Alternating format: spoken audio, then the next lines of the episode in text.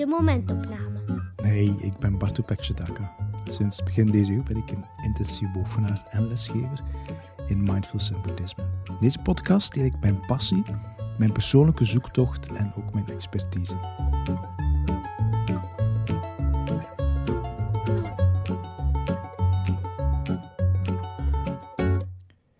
Ik wil het in deze podcast gaan hebben over het sereniteitssyndroom. Het sereniteitssyndroom is een term die, die bij mij opkwam vorige week in de zomerretreiten. Toen ik dat syndroom bij mijzelf wat opmerkte.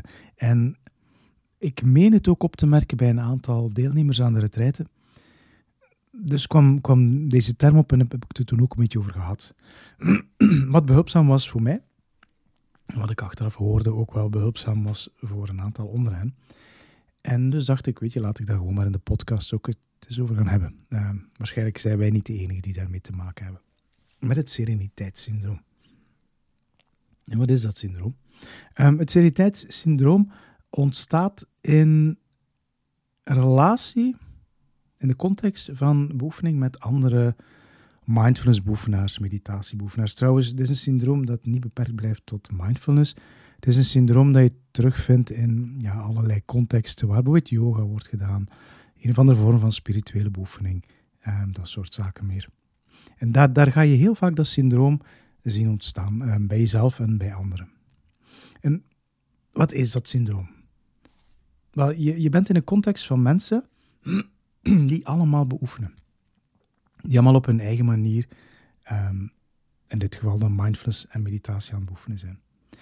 En, en je merkt dat ook aan die mensen. Um, niet dat de veranderingen altijd reusachtig moeten zijn als, als we meditatie of mindfulness beoefenen.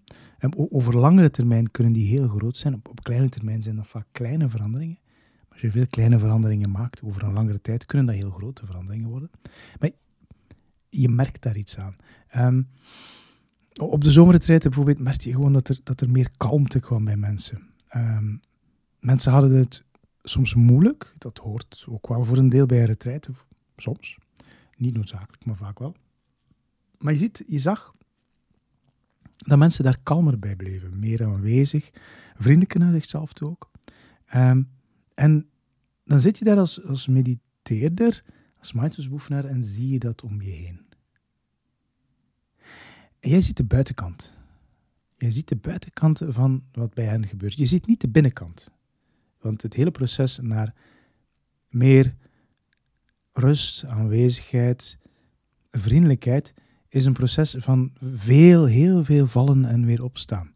Um, en dat vallen, dat interne vallen, dat interne vervallen in negatieve kritiek op jezelf, in onrust, in piekeren, in afdwalen, in verlangen, in afkeer, dat zien we niet aan de buitenkant. Wij zien alleen aan de buitenkant het resultaat van al die keren van weer opstaan en die bewuste keuze maken van terug te keren naar het lichaam. Te stappen uit die, die negativiteit naar jezelf toe, naar de omgeving toe. En, weer terug te stappen naar, ja nee, ik ben hier. En, en niet op die harde manier met jezelf omgaan. En, en al die kleine veranderingetjes, die worden op een gegeven moment ook meer en meer extern zichtbaar.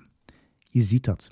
Zij het op een retraite, zij het in de context waar jij beoefent. Zelfs online kun je dat gaan, gaan zien als je vooral online dingen doet.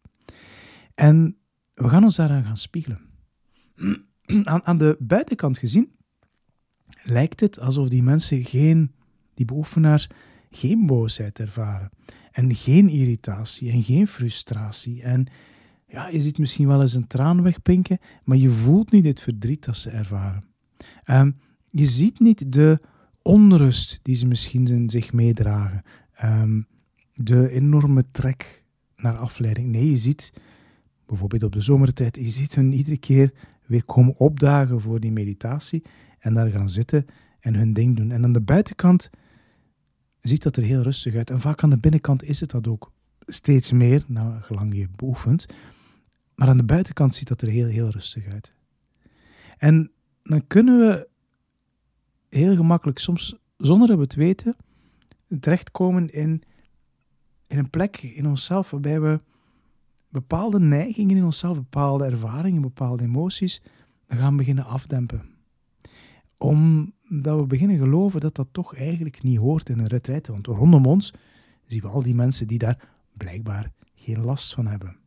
Voor ons van buitenuit gezien lijkt dat zo. Voor elk van hen individueel binnenin is het een ander verhaal. En soms kan je dan, voordat je het weet, die irritatie die daar zit, die boosheid, die frustratie, dat verlangen, die afleiding, daar ergens gaan onderdrukken. Die beginnen een beetje af te dempen, om, om in ieder geval toch een beetje ja, in die sfeer, die stemming te zitten waar blijkbaar iedereen in zit. En dan ga je serener gaan doen dan je eigenlijk bent op zo'n moment. Je probeert een soort sereniteit in jezelf te gaan creëren, te gaan vormgeven, omdat dit nu eenmaal is wat we allemaal aan het doen zijn. En opnieuw, het is, ik denk eigenlijk meestal geen bewust gegeven. Het is meestal iets waar we in terecht beginnen komen en wat, wat ons begint over te nemen. Um, en het helpt niet. Als je, als je er een beetje bij stilstaat, het is het tegenstelde van onze beoefening van mindfulness. Als mindfulness eruit bestaat om te zijn bij wat er is op dat moment en dat op een vriendelijke manier te gaan, gaan ervaren en, en verwelkomen zelfs.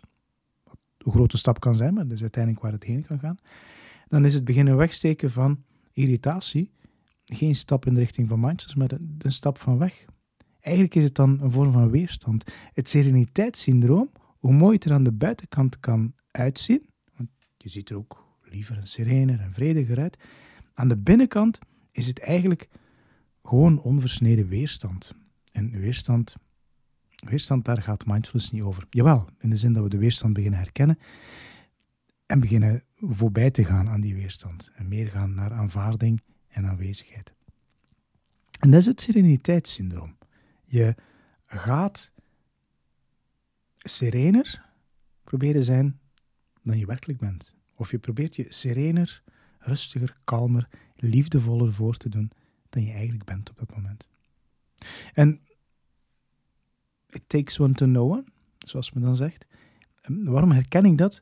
Omdat ik eigenlijk in, in, ik weet niet hoeveel, tientallen en tientallen retraites die ik ondertussen gedaan heb, er altijd een moment komt bij mij, en ik durf eigenlijk letterlijk altijd te zeggen, dat ik de retraite zat ben.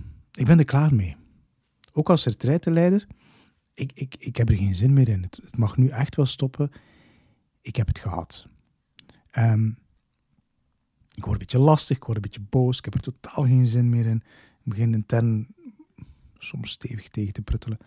Um, en ondertussen heb ik door dat als dat gebeurt, dat heel vaak het gevolg kan zijn van het sereniteitssyndroom waar ik toch weer een beetje in gesukkeld ben. Zeker als retraiteleider. Als retraiteleider kan je heel makkelijk vervallen in ja, er toch wat serener gaan bijlopen omdat dat nu eenmaal zo hoort of je irritatie toch wat meer onder dwang gaan houden enzovoort. En als ik boos word, als ik lastig word, is dat vaak het teken dat ik, dat ik toch een beetje in dat syndroom, syndroom ben terechtgekomen. Dus ook deze retraite was dat weer het geval. Het was, uh, ik denk op de tweede, laatste dag van de retraite, dat ik op een gegeven moment echt spuugzat was. Ik was er volledig klaar mee. Maar ik, ik had ondertussen de les al geleerd en ik dacht, oké, hier, hier klopt iets niet. Hier, hier komt boosheid omdat ik geen zorg gedragen heb voor iets wat wel belangrijk is. Omdat ik iets gedaan heb dat niet klopt. Dat niet klopt. Ehm, en dat wordt dan naar buiten toe geprojecteerd, maar ik had heel vlug de, de, ja, het inzicht om naar binnen te gaan kijken en te gaan voelen. En wat ik hoorde, wat ik voelde, wat ik merkte, was dat ik bepaalde elementen van mezelf had, had weggestoken. Um, en op dat moment begon het sereniteitssyndroom te barsten. Ik had door dat, dat ik niet zo sereen diende te zijn. Um, mijn frustratie, irritatie heb ik veel meer ruimte gegeven.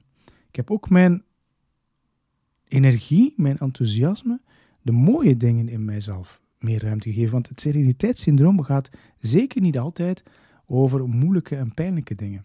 Soms gaat het ook gewoon over onze energie, ons plezier, onze gekheid, onze levensvreugde, die dan vanuit onze, onze blik op de retraite, op basis van wat we menen bij anderen te zien, ons kan gaan laten denken dat dat er allemaal niet bij hoort. Soms is het ook zo dat de context van die aard is, dat de context zegt dat dat er niet bij hoort. Ehm, dan is het goed om eens te gaan nadenken over de, over de context. Ehm, maar wat de reden ook is, we gaan niet alleen de dingen die moeilijk zijn een beetje gaan verbieden, maar soms ook gewoon de dingen die mooi zijn en groot zijn. Of, of we gaan de vorm waarin dat ze tot uiting willen komen, um, gaan onderdrukken omdat die vorm niet zou gaan passen. Onze vreugde, die mag er alleen maar op een mindful manier gaan uitkomen of op een spirituele manier als we in zo'n kringen vertoeven. Ehm, en natuurlijk, het is niet de bedoeling dat we onze vreugde er zomaar moeten laten uitspetsen. Ehm, we zitten in een context, dus het is wel een beetje goed om rekening te houden met anderen. Maar het antwoord zit altijd ergens in het midden. Um, het gaat er niet over dat we onze vreugde, om dat, dat voorbeeld te nemen, zomaar langs alle kanten moeten laten uitvliegen zonder rekening te houden met de context. Dat werkt niet, maar het andere uiterste is die vreugde gaan onderdrukken. Dat gaat ook niet werken. Dus als de wakkerte er komt, het bewustzijn er komt, het gewaarzijn, dan komt de keuzevrijheid. En de keuzevrijheid kan eruit bestaan een manier te vinden om, in dit voorbeeld dan de vreugde, toch te gaan uiten, toch te gaan, te gaan vormgeven. Um, zodanig dat die energie, datgene wat in ons leeft, ook de ruimte krijgt om te leven.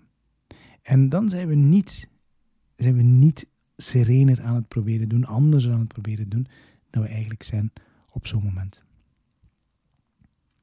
Dat is het sereniteitssyndroom.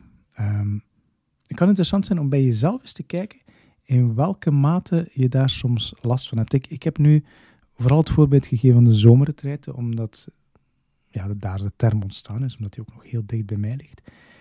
Maar zoals ik al zei, het, het hoeft niet in een zomerretreat te ontstaan. Het kan ontstaan in een dagretreite. Uh, het kan ontstaan in die context waar je af en toe mediteert.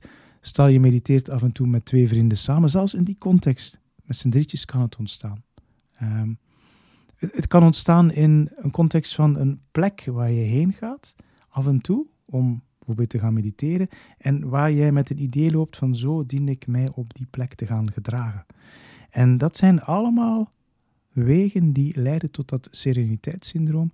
En het sereniteitssyndroom is niet behulpzaam in beoefening. Het is geen beoefening, is het tegenstelde aan beoefening. Dus je kunt eens bij jezelf gaan beginnen kijken of je daar soms last van hebt op bepaalde momenten.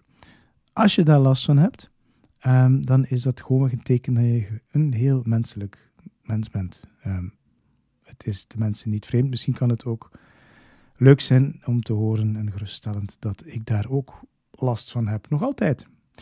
Um, is het zo dat hem veel vlugger gedetecteerd wordt. Dat ik hem veel vlugger zie en eigenlijk ook wel heel goed weet wat ik daar nu mee moet gaan doen. Dus zie het bij jezelf. Lach er eens mee. Het is eigenlijk ook wel best grappig. Um, niet uitlachen, maar gewoon vriendelijk lachen. Net zoals je bij een kind soms ziet dat het iets doet waarbij je al ziet van oké, dit gaat niet helpen. En dan heb je een soort schattig lachen. Van, dit is schattig, dit is, kijk, die weet het nog, dat komt nog wel. Kijk zo naar jezelf als je dat ziet. En, um, en zie het steeds opnieuw en, en kijk of je eruit kan stappen, kan herkennen. En dan gaat dat die nood om er op een bepaalde manier te gaan uitzien. Omdat je een beoefenaar bent, dan gaat die nood um, zwakker beginnen worden. Gaat die meer barsten beginnen vertonen. En dan, uh, dan is er meer en meer vrijheid om te gaan beoefenen op de manier die op dat moment geschikt is en nodig is. Um, want er is niet één manier van beoefenen. Er zijn zoveel manieren als er mensen zijn. En per mens zijn er dan nog eens zoveel manieren als er momenten zijn en noden aan verschillende soorten beoefening. Sereniteitssyndroom. Kijk maar eens bij jezelf of je het soms herkent.